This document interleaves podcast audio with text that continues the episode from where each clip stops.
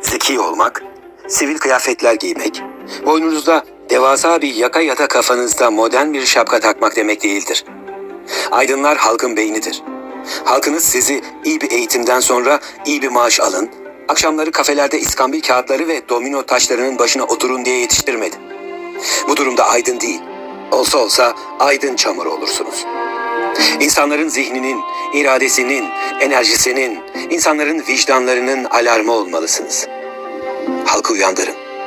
Köylülere, işçilere, şehirli alt tabakalara nasıl daha iyi yaşayacaklarını, nasıl daha iyi bir yaşamın kurucuları olabileceklerini öğretin. İnsanlara yaşama değer vermeyi, onu korumayı, onlara her nerede yaşıyor olursa olsun, her köylü ve işçinin iyi, sağlıklı ve makul bir hayat yaratabileceğini söyleyin.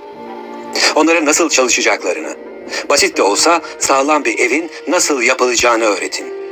Hem çocuklarının hem kendilerinin sağlıklarına özen göstermelerini öğretin. Onlara mutlu bir aile hayatı kurmayı öğretin. Bir erkeğin karısına, bir kadının kocasına nasıl davranacağını, çocuklarını nasıl yetiştireceğini öğretin. İnsanlara doğruluk, düzen ve disiplini öğretin. Onlara vicdanlı olmayı, sevmeyi ve düzene saygı duymayı öğretin.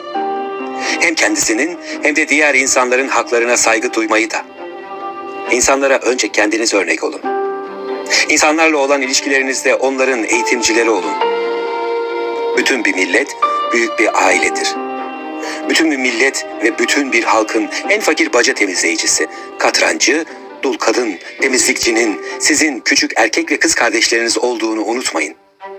Onları eğitmek ve kadim kültürlere sahip ülkeler arasına sokmak sizin görevinizdir.